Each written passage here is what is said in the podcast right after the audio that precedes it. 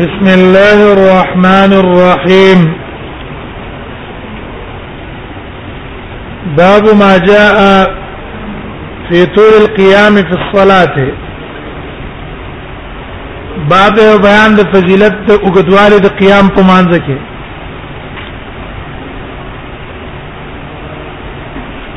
ابو داود کوم دا مسله مون بیان کړې و چې د علماء اختلاف ته چې طول القيام افضل له کثرت السجود افضل له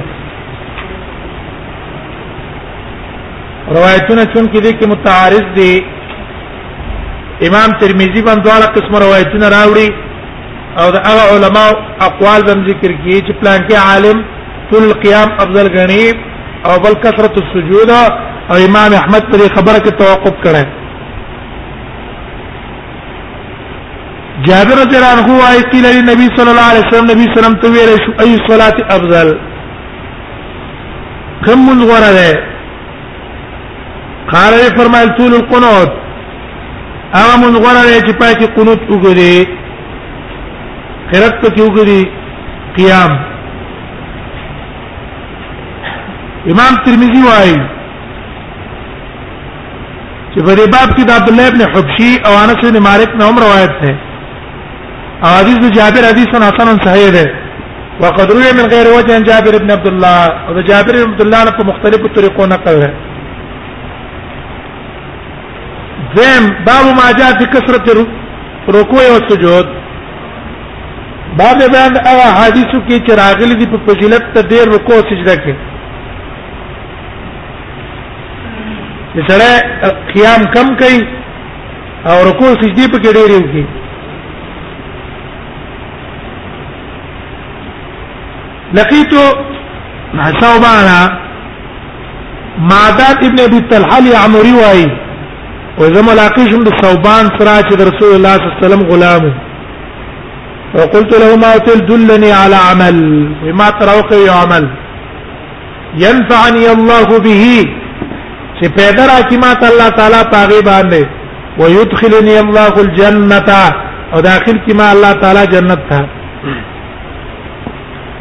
فسكت عني مليا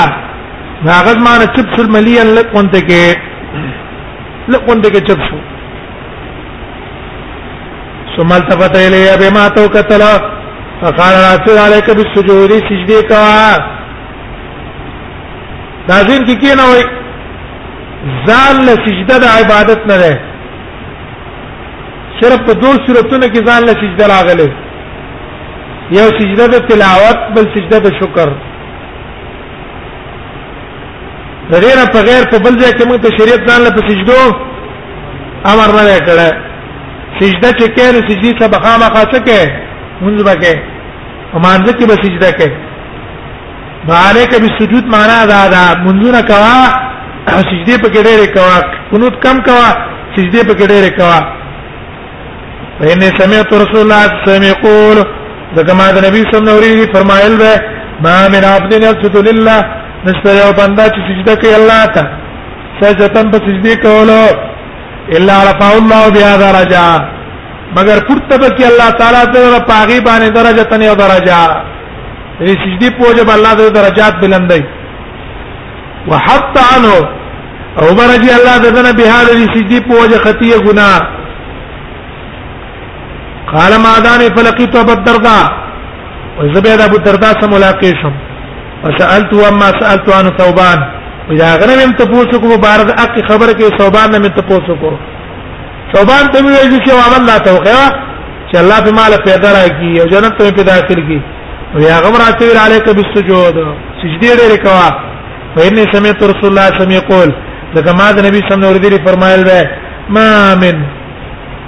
ما من عبد نشتر یو بندا یسجد لله سجدا چې الله ته سجدي لګي الا رفعه الله بها درجه مګر الله تعالی به پورته کوي پای باندې په درجه وحتى عنه بها خطيه او رجه بدنه د هغه پوجا ګناه ګناه په الله رجه وفي الباب عن ابي هريره وابي فاطمه دې باب کې د ابو هريره او د ابو فاطمه نم روایت ده قال ابو سعيد حديث ثوبان وابي الدرداء في كثرة الركوع والسجود وحديث د ابو ثوبان او د ابي الدرداء په کثرت رکوع سجدو کې حدیث حسن صحیح ده وسو قد اختلف على العلم في هذا دو قسم حدیث دي کنه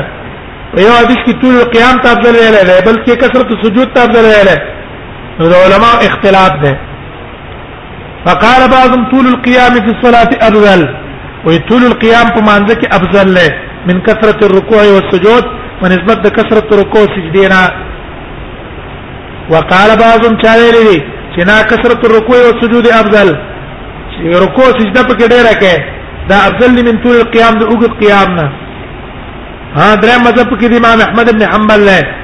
امام احمد ابن حنبل وی قدر یعنی نبی صلی الله علیه وسلم دی هغه حدیثان وی په دې کې دوه د سنت نبی صلی الله علیه وسلم د نقل لیز په کې څه ویما ولم یقضی فيه بشیء هغه په کې توقف کړی دی چې کړی اس په سره نه کړی توقف یې کړی دریم قول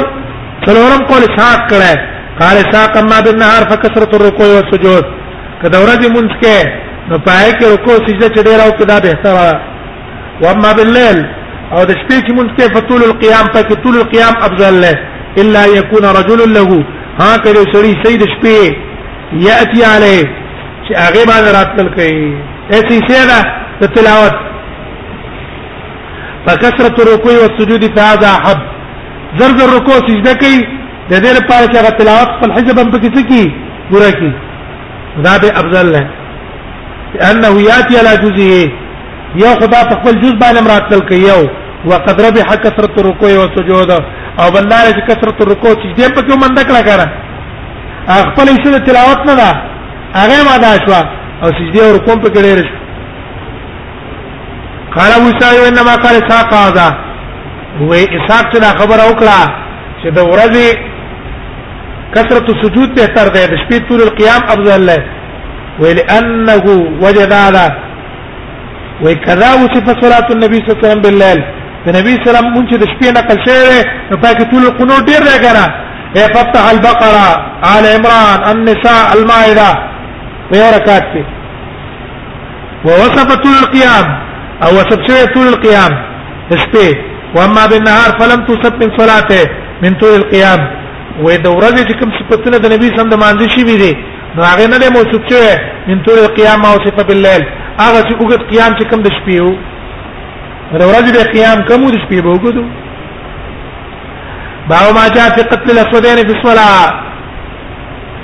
امام ابو داود حدیث راوړی باب العمل فی الصلاه کې چې باج عمل په مانځ کې جایز دی چې پاغي عمل کې څه دی اختر اسودین والا دی کنه هغه په کې وجل شي نبی ورته دا روایت یې امر رسول الله صلی الله علیه وسلم قتل اسودین نبی سم حکم کړی په وجل د مار او لړم په صلات په مانځ کې الا سودین تل موږ ویل دا د پاتې تکلیف نه ده مار غالب کړی په لړم باندې کنه ما پرنګ کې تور دی لړم پرنګ کې تور نه دی او تغلیب کړي الحیه والعقرب چې هغه مار دی لړم دی په دې باب کې د عبد الله ابن عباس او د ابي رافع نوم روایت ده ابو اسحاق حدیث ابي هريره حدیث سنن صحیح ولعمل العاده عند بعض العلم من اصحاب النبي صلى الله عليه وسلم بعض اصحاب النبي صلى الله عليه وسلم په عمل کړی دی وغيره وبه يقول احمد واسحاق دا قول امام احمد واسحاق هم دی جمهور علما هم دی وجلش امام شافعي توالي به پکې نه کوي کدرې گزاره دی وکړو مونږ پڅ شلو فاسد شو دی علماء چې پرتو کې د مړ کو اجازه ده وکړیا بعض علم قتل الحیه والعقرب في الصلاه او بعض کسان ته مکروه ویل ولی ابراهيم ځکه نه د صلات له شغله وای په مانځ کې مشغولتیا ده کته ماران لړ ماران په کې وجني هغه عبادت او طاعت نه مشغولېږي هو القول الاول اصح دا یو رنه قول څه ده دا صح ده باو ما جاء في سجدته قبل السلام اوس دا کوم مسله ذکر کړي سجدته قبل السلام نه که بعد السلام نه ابو داود کې نږدې پاره دا احناف مذهب دا دی سفیان ثوری ابراهیم نخعی امام ابو داود ته اشاره ترمذی ته اشاره کوي چې هر سجده قبل السلام ده هر سجده قبل السلام ده تو صورت ته زیادتی کې د نقصان کې شک دي امام مالک وايي صورت زیادت کې بعد السلام ده او په صورت نقصان کې قبل السلام ده او که دواړه په مانځ کې واقع شي نو بیا دا نقصان غالب ته بچا باندې په صورت زیادت امام احمد دو صورتونه کې قبل السلام ویلې باقی نور صورتونه کې بعد السلام ویلې البته موږ ترجیح وکړه چې سیدا دا چې اجازه عامه ده قبل السلام کې بعد السلام کې دا قول راجح ده ان النبي صلی الله علیه وسلم قام فی صلاه الظهر نبی صلی الله علیه وسلم باندې کې پاتې دو وعلي جلوس نو پاغه باندې ناس ته ودې مې قیدت اول قیدت فلما تم صلاته وکړه نبی صلی الله علیه وسلم پورا کړو سجده سجدتين دو سجدي وکړو يكبر في كل سجده الله اکبر پر سجده کې ویلو وهو جالس النبي صلی الله علیه وسلم قبل ان يسلم مکه سلام ګرځولنا وسجدهما وې دغه څه سجده کړې وا خلکو ما کو د نبی صلی الله علیه وسلم مکان ما نسی من الجلوس فزید هغه چې د نبی صلی الله علیه وسلم نه کم جلوس وې په باب کې عبدالرحمن ابن عوف نم دغه څه نقل لې محمد ابن ابراهيم وان ابا هريره وسعد القاري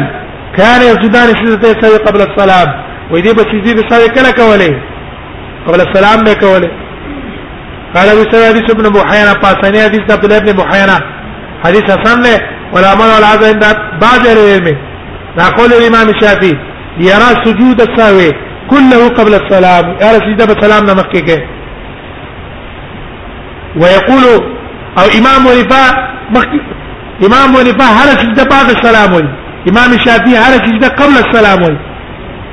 ويقول هذا الناسخ لغير من الحديث او ادعى حديث د ابن حينا اصل کې ناسخ دی نور احاديث چې پاک بعد السلام دي ويذكر ان اخر فعل النبي صلى الله عليه وسلم كان على هذا والنبي صلى الله عليه وسلم اخرني عمل داو داو ځکه معاويه بن حيده هغه النبي صلى الله عليه وسلم نقل کړی کړه وقال احمد الشاف امام احمد صاحب په ځا قام رجل پر رکعتين کله یو سره په دوه رکعاتو نه پاتې دلو قاعده پر کو تور نه انه يسجد سجدته سوي قبل السلام على حديث ابن بحينا ابن بحينا د حدیث مطابق په سجده قبل السلام کوي وعبد الله ابن بحينا واذا څوک دی عبد الله ابن مالک ابن بحينا دی مالک ابوه مالک څوک دی د پلار دی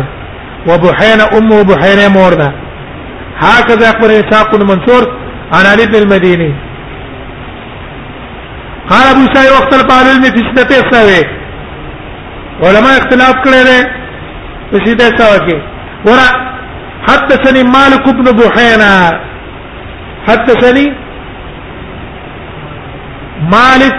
دا ګور را شو کنه حدثني عبد الله ابن مالك ابن بحيره الته موږ ویل چې دلته عالمین چې کله متناسلین نه وي عالمین چې متناسلین نه وي نو بیا به ابن سنه د مکه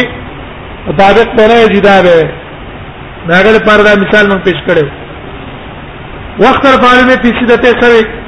متا یسود ما رجلو سره به کله کې قبل السلام به کې بعد او به فرا بعض ابن بعض کسان را ادا ده ان يسودهما بعد السلام چې دا بل سلام نه رسټو کوي دا قول سفیان الثوری د کوفی والا وقال بعضهم چاویلی يسودهما قبل السلام سلام نه به مخکې کوي دا قول د اکثر فقهاء د مدینه والا دغه حم سعید ربیعه او غیره ما دا امام شافعی قولم کړي شاعری دا کان زیارتن د صلاه په صورت زیادت نو سلام نه برستو کوي نو نقصان فقبل السلام دا قول د مالک بن انس ته او کدوانه پکې رالو نو تغلیب د نقصان کوي په چا باندې تغلیب د نقصان کړي په زیادت باندې امام احمد وايي ما رو یعنی نبی صلی الله علیه وسلم څخه څه هغه چې نقل شوی د رسول الله صلی الله علیه وسلم څخه وکي او استعمال ولا کلنا علی جهته هر یو تن په خپل طریقې په عمل کیږي یارا هغه راي دا چې اذا كان في ركعتين کدو رکعات ته پاتې د اخر قاعده ته پاتې شو نو علي حدیث ابن بحینا سجدا قبل السلام کې د وجه د حدیث د عبد الله ابن بحینا وانه يسجد ما قبل السلام دا ډول سجدي پر سلام نه مخکې کوي واذا صلى ظهر خمسه او کله ما تقیمي 15 رکعات وکړو فانه ما يسجد ما بعد السلام سلام نه ورستو کوي وإذا سلم في الركعتين من الظهر او په دوه رکعات سلام ګرځولای دی والعصر فإنه ما يسجده ما بعد السلام دې کې به سلام نه ورستو سجده کوي لکه حدیث کې بعد سلام سجده راغله وكل يستعمله على جهه یاره حدیث په خپل خپل طریقه عمل کوي وكل ساوي ليس في عن النبي صلى الله عليه وسلم ذکر او کدي صورت چې پاک نبی صلی الله علیه وسلم نه نه خو زیادت او نقصان نه پکې راغی فإن سجدته سوي فيها قبل السلام په دې کې به تساو کړه کې قبل السلام به کې وقال ساق نحو قول احمد ساق هم قول کړه په شان ته امام احمد بیا ذا کله ریټول کې داغه په شان الا انه قال مگر دا ویری دي كل ساق الله تبيان النبي صلى الله عليه وسلم هر ساوه چې پاکي د نبی صلی الله علیه وسلم نه نقل نه فإن كان زيادة في الصلاة نو که زیادت په مانځ کې یسجد ما بعد السلام امام مالک پر قول کړه وینا شوي فرق ادا شو امام احمد چې کوم نقل د نبی صلی الله علیه وسلم نه نه ده هغه قاعده عامه ذکر کړل قبل السلام او که دې په کې راولګې دی ویل چې نه په صورت د امام مالک پر قول نه نقل کړو فإن كانت زيادة في الصلاة يسجد ما بعد السلام چرته زیادت په وانځ کې سجده او بعد السلام کوي وإن كان نقصانا او په صورت نقصان يسجد ما قبل السلام سجده وکي قبل السلام باو ما جاء في سجده صحيح بعد السلام والكلام دا بل مسله کوي تفسیری منګه بیان کړه ابو داود کې چې خبره مقصد د صلات دي کنه لري وې باب بیان د سجده سره پس سلام او کلام نه سلام دم ګرځولې وې خبرې دې کړې او رسو ته چا خبر درکو نو آیا دا موږ ول سن را ګرځې او کنا دا خبره د اسلام د صلات لپاره مبتدی نه دي امن ترجیح ورکړې و دیلا چې خبره د اسلام د صلات لپاره مبتدی نه دي او ابو داود کې دا ثابت کو چې ذلیدین دا مرشه نه ده ابو هريره په دې کې حاضر ده او په نهین علی السلام دا حدیث اول کې ده او دا حدیث دا غیر مستثنا ده چې اصلاح د خبرو د پاره شو هغه جهیز ده دا خبره ذکر کړي حضرت رسول الله روایت النبي صلی الله علیه وسلم خمسه ماسخي مونږ پنځه رکعات وکړو فقيل الوزير في صلاه النسيت ایر الله نبی په مانځ کې زیادت شو کتان خبره یې شو فسد سجاده سجدتين بعد ما سلم دو سجدو کې پس سلام ګرځاوره قال ابي سعيد عليه الصلاه والسلام صحيح ده يبل لكن قال عبد الله ان النبي صلى الله عليه وسلم سجاده سجدتين استوى بعد الكلام سجده سوي کړي پس خبرونه وبالباب عن معاويه وعبد الله بن جعفر وابي هريره دې باب کې معاويه او عبد الله بن جعفر د دوره نقل لري ابو هريره کې سورې دې روایت ته کړه ها ابو هريره روایت ابو هريره نبی صلی الله علیه وسلم سجد او ما بعد السلام قال ابو سعيد هذا حديث حسن صحيح وقد رواه ايوب وی ایوب او غیر واحد ابن سیرین ایله نقل کړه حدیث ابن مسعود حدیث حسن صحیح ده ولمر على هذا عند بعض العلم قال اذا صلى الرجل کله چې سره مونږ کې ماسپخین خمسن پنځه رکعاته فصلاته جائز مونږ شو وسجد سجدته ساوي بس دې به کې جمهور علما یې څنګه رکعات ته کې ضرورت نشتا برکات ته بکې نو پس پکې به څه څه وکړي فصلات جائزه وسجد سجدته سوي ان لم يجلس في الرابعه اگر که په تلو رکعت کې ناس نه دا قول امام شافعي احمد اسحاق امام سے مذهب تاسو ویلې امام سے وایي که په څلورم رکعت باندې ناشتو ورم باندې او پنځمه وکړو پاتې دو او پنځمه وکړو مقید کړو په سجدي پر وکړو نو بیا به کینی نه بل لکات بم کې زم د سادسه بم کې دوه رکعات نه پوښو څلورې فرض شو او که په مڅلورم رکعات پاتې دل نو او پنځم رکعات مقید کو پر کو شپږم به مسرکې او دا ټول مونږ نه په لوکر زیدو مونږ به تر اگر دې فرض لیکن د دې سره هیڅ دلیل پرې خبره باندې نشته وقال بعضهم شاویری اذا صلى الظهر خمسا ماسپخیم یا مازیګر یا ماخستان د پنځو وکړه ولا بيقت في الرابعه او په څلورم رکعت ناس نو مقدار تشهود په اندازه تشهود فسد صلات منځي فاسد شو دا قول سفیان ثوری او باب الکوفه او د باجی کوفی والا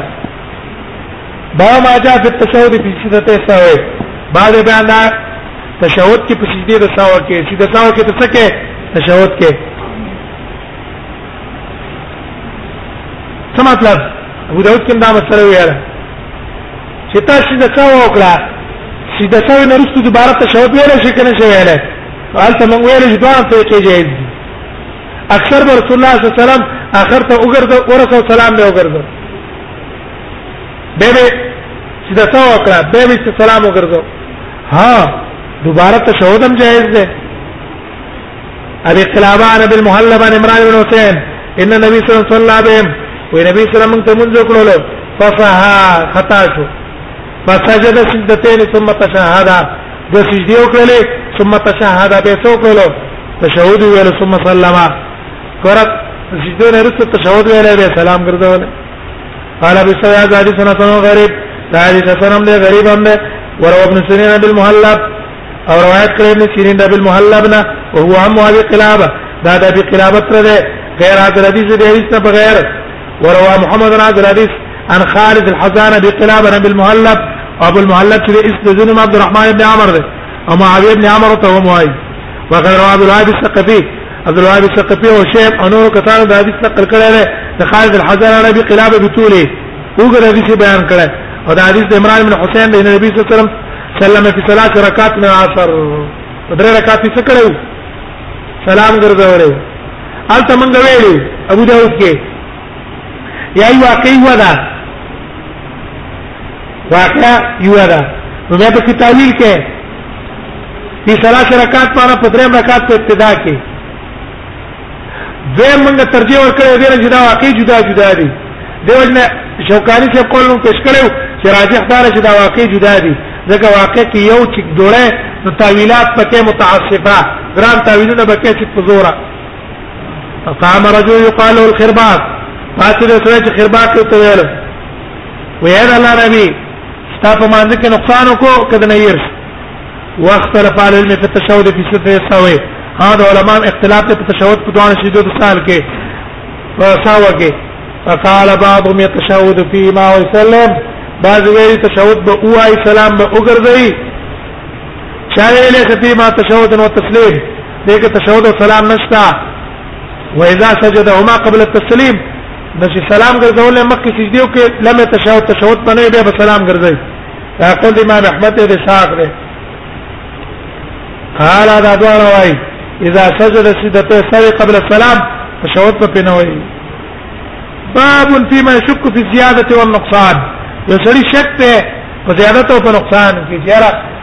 درې رکعات مې کړې دي که دوه رکعات مې کړې دي نو تفسیری مسله هم څوکړه باب من قال يلقي الشك شک به غورځي تکوا نو د امام شافعي په نسبت باندې شک ورځول څو یقین باندې به عمل کې چې دوه رکعات دي شک دې دوی کې درې دي دوه یقین دي په یقین باندې عمل کې د امام وریفه مذهب التداو کدا شک ته اول دل پیش کېدو سر نه عمر راګرځي او که بار بار ته کېدلو نو بیا بنا په څه باندې کوي غالب ګمان باندې وکړي غالب ګمان پسې بځي هغه باندې به عمل کوي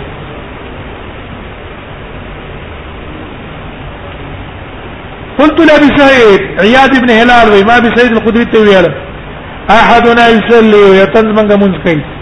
فلا يدري كيف صلى پته تل لګي څو رکعات وکړو فقال غير قال رسول الله صلى الله عليه وسلم فرمای اذا صلى احدكم کله چې تن تاسو نه مونږ کوي فلا يدري ته پته لګيږي كيف صلى څنګه مونږ وکړو فلا سجدتين د سجدي دی وکړي وهو جالس دی په ځای باندې ناشته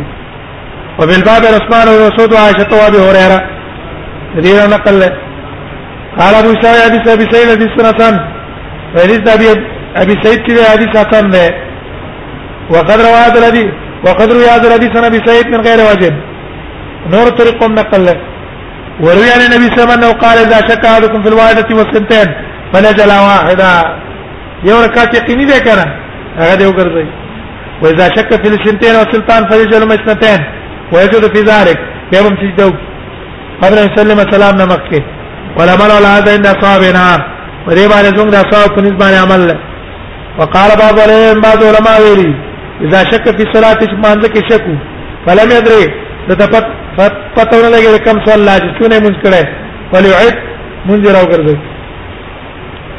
وبه قال سنه قتيبة بن ليث قال عيسى په کوم صورت کې راځي چې اول ځل څو اول ځل دا بعض علماء دا وایي دا د احناف په مذهب ده انا به وره قال قال رسول الله صلی الله علیه وسلم من الشیطان یاتی عادکم فی صلات شیطان راځي او تنسا مانځ کې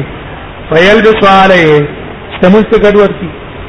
حتى لا يدري كم صلى تر دې چې د پته لې اجماع څو رکعات وکړه فإذا وجد ذلك أحدكم کله چې وطن تاسو نه دا کار مند کو فل یسجد سجدتين وجالس د سجدي په ناس ته باندې وکي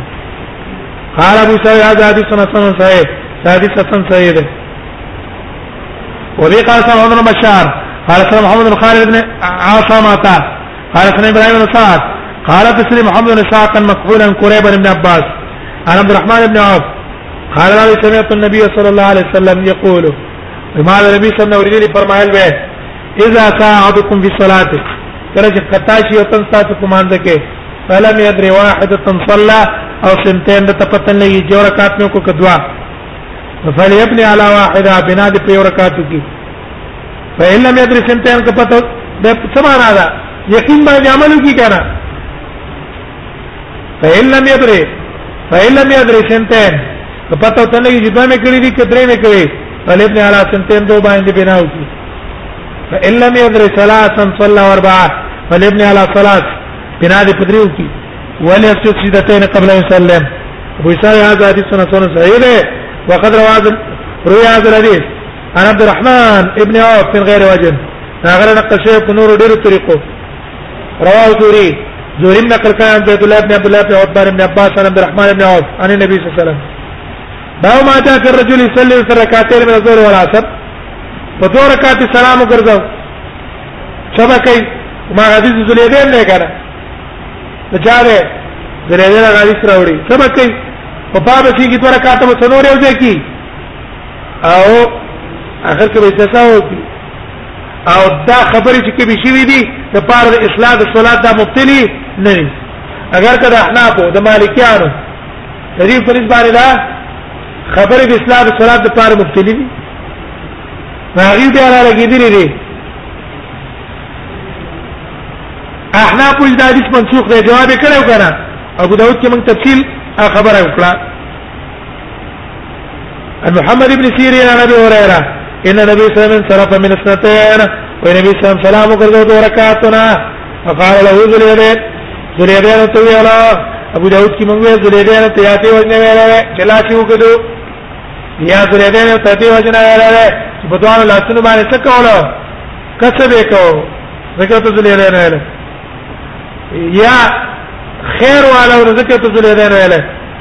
اقصرت الصلاه والنسيب ام نسيب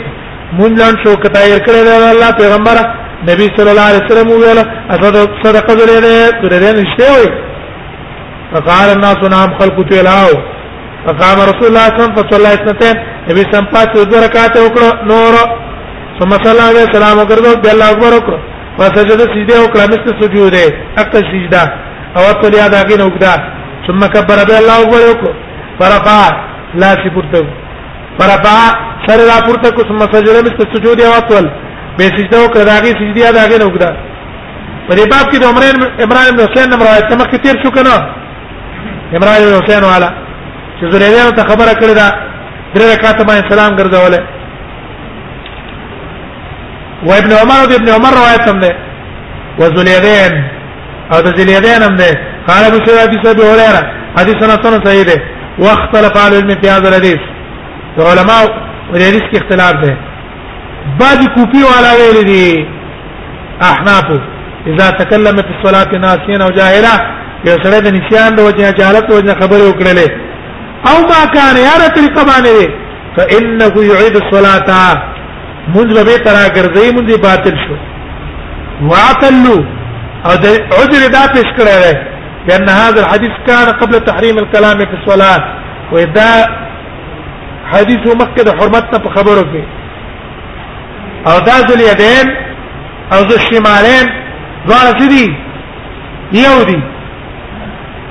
نوم یې خرباق دی او دا په بدر کې څه شوی دی زه شمالن په بدر کې مر شوی دی نو دا غزل یې دی له دوه یو دی لیکن ابو داود کې موږ تفصیلی جواب ورکړ کنه موږ زه شمالن جدا دی زلیدین جدا دی دوه جدا دي زه شمالن بدر کې مر دی زلیدین نه مر او دی واقع ته بوهره راځره عمران ابن حسین تاجر دی او دا ډول په شپږم کال لري څه کړی دی ایمان راوړل واما الشافعي پر حدیث صحیحه هر چې امام شافعي دا حدیث صحیح دی له فقال بي عمل ته کړه چې خیره خبره د اسلام د مانزه د پاره وشي دا مبتل صلاتي نه دی وقال هذا صاحب الحديث الذي واذا سيد دا حدیث روي عن النبي صلى الله عليه وسلم في الصائم اذا كان ناسيا فانه لا يقضي وي ګوره د رجدار په اړه کې سره په نشان باندې خبرې وکیا به قضا نه راوړي وانما رزق رزق الله دا الله طرف ته رزق ته چې الله د تور کړه نو چې ګوره د نشان د وجنه صائم خوراک کو دا هغه رجه په باطلېږي نه نو چې مونږ ته اونکي د نشان د وجنه په مانځ کې خبرې وکړل نه هغه مونږ د باطلېږي نه قال الشافعي امام الشافعي وايي وفرقوا هؤلاء بين العمد والنسيان ودي د عمد والنسيان من کې فرق کړی دی پاکل صائم کې د وجه د حدیث د هريره نه موږ له پکار دا ده چې د عمد او د نسيان د وجه دا فرق وکړو په مابین د چا کې مونږ کې هما د وجه د حدیث دا زلیلین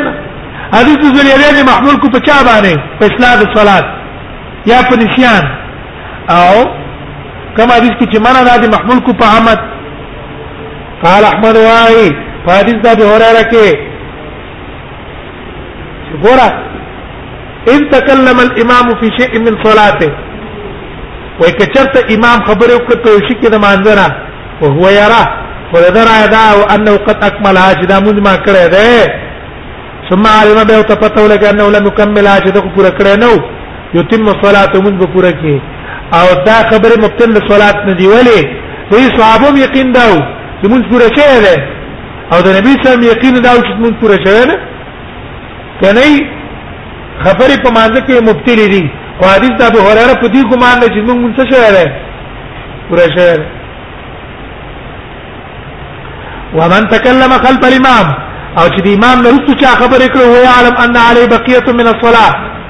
او دا ته پته چې موږ لا پاتې شته او به خبرې وکړي فعلی استقبلها ودا باندې لازم دي چې موږ دا مقتدی به سر نه راګرځي واحتج بان الفرائض بدلیل ثاني ولا ده چې دلته مقتدیانو مونږه پاتې شوی نه ده اوس پر امام احمد اعتراض راځي کنه راځي چې دلته په کار دای چې لري قصر نه مونږ راګرځول وای دا نور کسانو چې کوم خبرې وکړې ابو بکر او عمر یا نبی صلی الله علیه وسلم ته پوښتنه کړه صدقه دې نه غوړاو په کار دای دا مونږ خو باطل شي کړه هغه د سره مونږ نه راګرځول ها وای دا هغه مونږ کړه نه راګرځول وی كانت الصلاه وې د نبی سم په زمانہ کې تزاد او تنقص ولا د رسول الله پکې زیادت او نقصان راتلو